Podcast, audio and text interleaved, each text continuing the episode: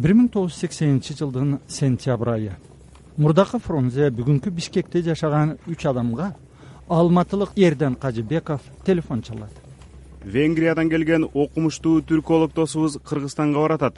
Эртең автовокзалдан күтүп алып фрунзени көрсөтүп койгула. Ал китепке аябай кызыгат. Ошого китеп алганына стейдил көңүл бургула. Деп суранат филология илимдеринин доктору эрден кажыбеков. Чет элдик конок түрк элдеринин тилин маданиятын этнографиясын изилдеп жүргөн будапешт университетинин окутуучусу доктор иштван коңур мандоки эле. Илимпоздо отуз жети жыл мурда бишкекте кантип тосуп алышканы жөнүндө бүгүн кыргызстан менен түркия ортосунда жашаган ишкер разак сейдилкановдон угалы. Өзү баарысын ойлоп жүргөн неме да жалгыз эле мага эмес аны кадыр аликеге да айтыптыр дыйканова чолпон деген карбоз дыйкандын кызы ага дагы айтыптыр. Анан автовокзалга тоскону барсам алар дагы жүрөт. Менде машина деле жок эчтеке жок өзүм эле тоскону баргам. Аялым менен келиптир эч деле план жок менде. Чет элдик болсо биз баягы психология деген чет элдик менен көп мамилең жок болсо кандай киши эмне болду? Советтик идеология айында эмес бар да. Анан кыргызча кадимкидей сүйлөйт экен өзү ушунчалык жадыраган адамга жакын көзүнөн ошо жаш баладай ак ниет киши экени көрүнүп турат.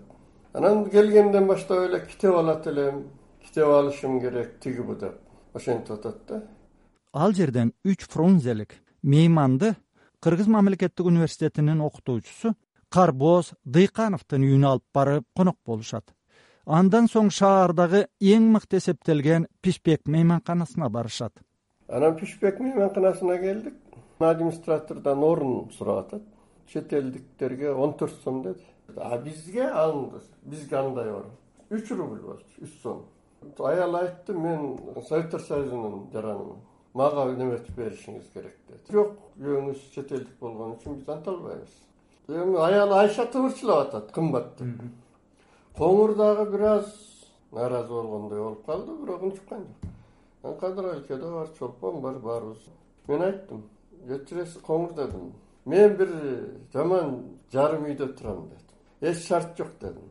Кааласаң дедим ушул он төрт сомго эптей көп китеп аласың дедим. Меникине барып жатып алгыла дедим. Үч бөлмө дедим. Бирок шарт жок жарым үй дедим.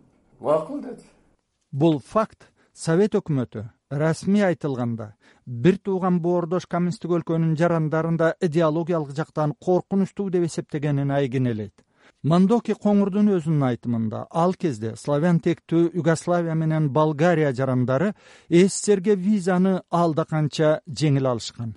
Ал эми мажарларга виза берүү ар кандай шылтоолор менен создуктурулган. Ошол сексенинчи жылдан кийин коңур мандоки кыргызстанга жыл сайын келчү болот жана чыңгыз айтматов баш болгон бүтүн кыргыз интеллигенциясы менен таанышат. Белгилүү адамдардын үйүнө конокко барат. Бирок түнөгөнү такай менин үйүмө кайтып келчү дейт разак сейдилканов. Конокко кеткен анан биз келбей калдыбы деп бир бөлмө үйдө да. Анан бизде баягы керебет деле жок. Диван бар анан балдар жерге жатат мынтип. Жатып алганбыз. Бир маалда эшик шыңгырады ачсам конокко чакырган киши кошо узатып келиптир анан анча мынча ичип алышкан.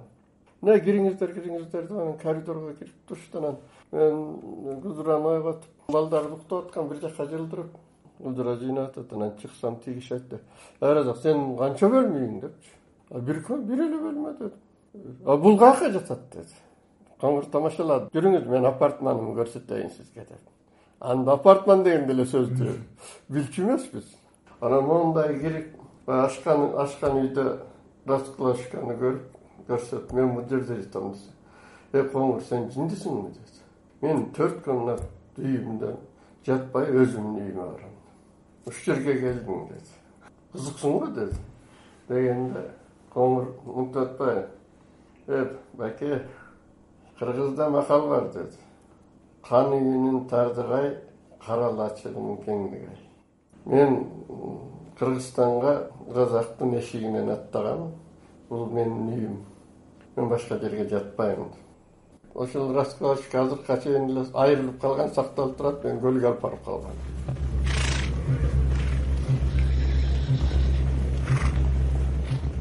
Мандоки коңур түрк элдеринин салтын үрп адаттарын макал лакаптарын ыңгайына жараша колдоно билгенин күбөлөгөн көптөгөн фактылар бар бирок обол мажарстандык окумуштуунун ысмы эмне себептен коңур деп аталганына токтоло кетсек.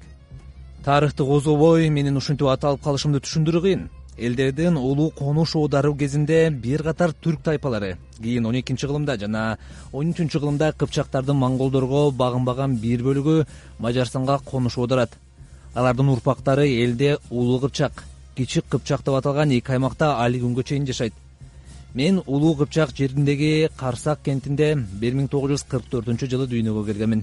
Биз кыпчакпыз биз мадиярлардын жоокер эң бетке чабар бөлүгүбүз дегенди кичинекейимден угуп өстүм. Коңур кыпчактардын уулдарына көп колдонулчу эзелки ысымдарынын бири.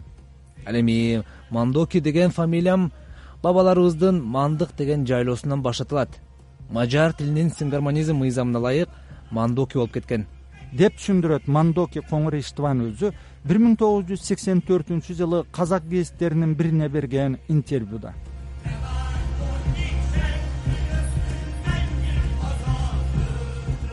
Сиздер тарых жана тагдыр берүүсүн угуп жатасыздар.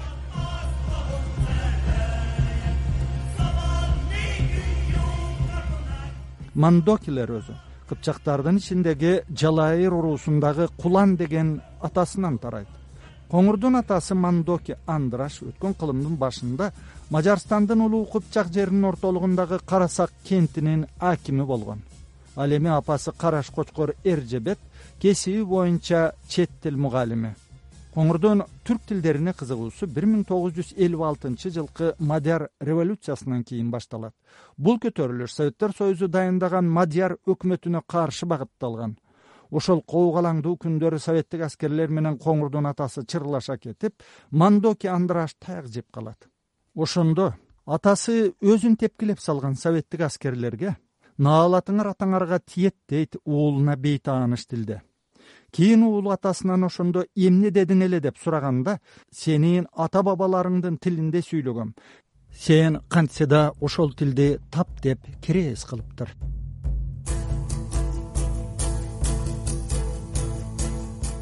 мандоки андрас ошондой эле сегизинчи классты жаңы бүткөн уулуна кодекс куманикус деген сербаа китепти беш айлык маянасы үч миң форинтке сатып берет.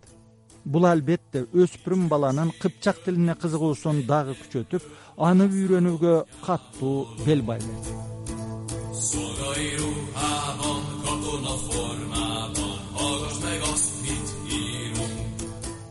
коңур адегенде советтик казармадагы казак жигит менен таанышып андан казакча сүйлөгөндү үйрөнөт. Удаай эле унутулуп бараткан сөздөрдү чогултат. Айрым маалыматтар боюнча мажарстандын чыгышында сейрек болсо да он тогузунчу кылымдын башына чейин кыпчак тилинде сүйлөгөндөр болгон. Мандоки коңур кыргыз этнографиясында абдан жакшы билген. Биздин этнографияны ушунча жакшы билет. Мисалы музейге барсаң көшөгөлөр турбайбы бизге жөн эле көшөгө ооба ал айтат. Э мынабу келинге берген көшөгө экен дейт. Мынабу кызга берген көшөгө экен бул байбиченин көшөгөсү экен.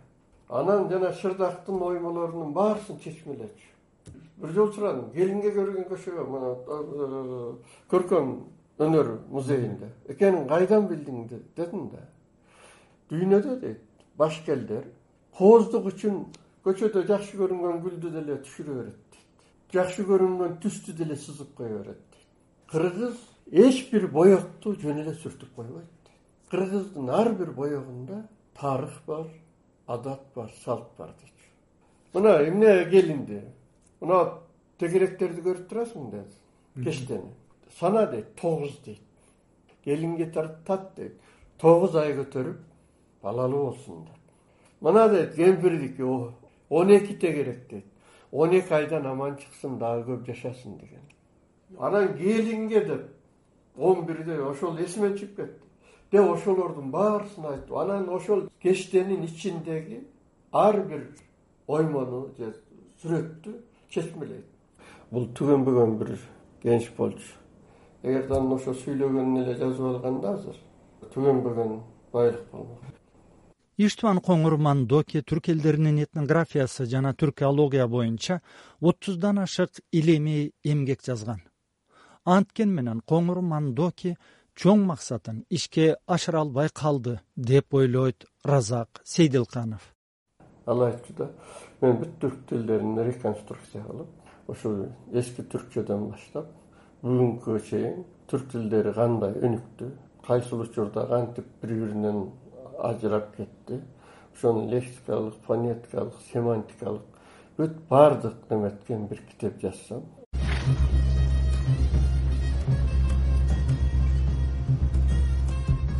Илимпоз түркологду бир миң тогуз жүз токсон экинчи жылы жыйырма экинчи августта дагыстандын махач каласында илимий сапарда жүргөндө каардуу өлүм алат.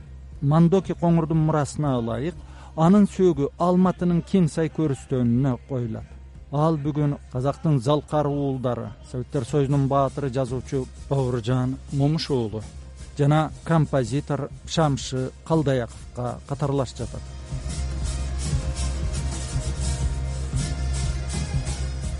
Китеп демекчи окумушту чогулткан он алты миң китеп жана баа жеткис кол жазмалар бүгүн астана шаарындагы эл аралык түрк академиясында сакталууда. Алардын арасында мандоки коңур иштыбан кыргызстанда сатып алган китептер да бар.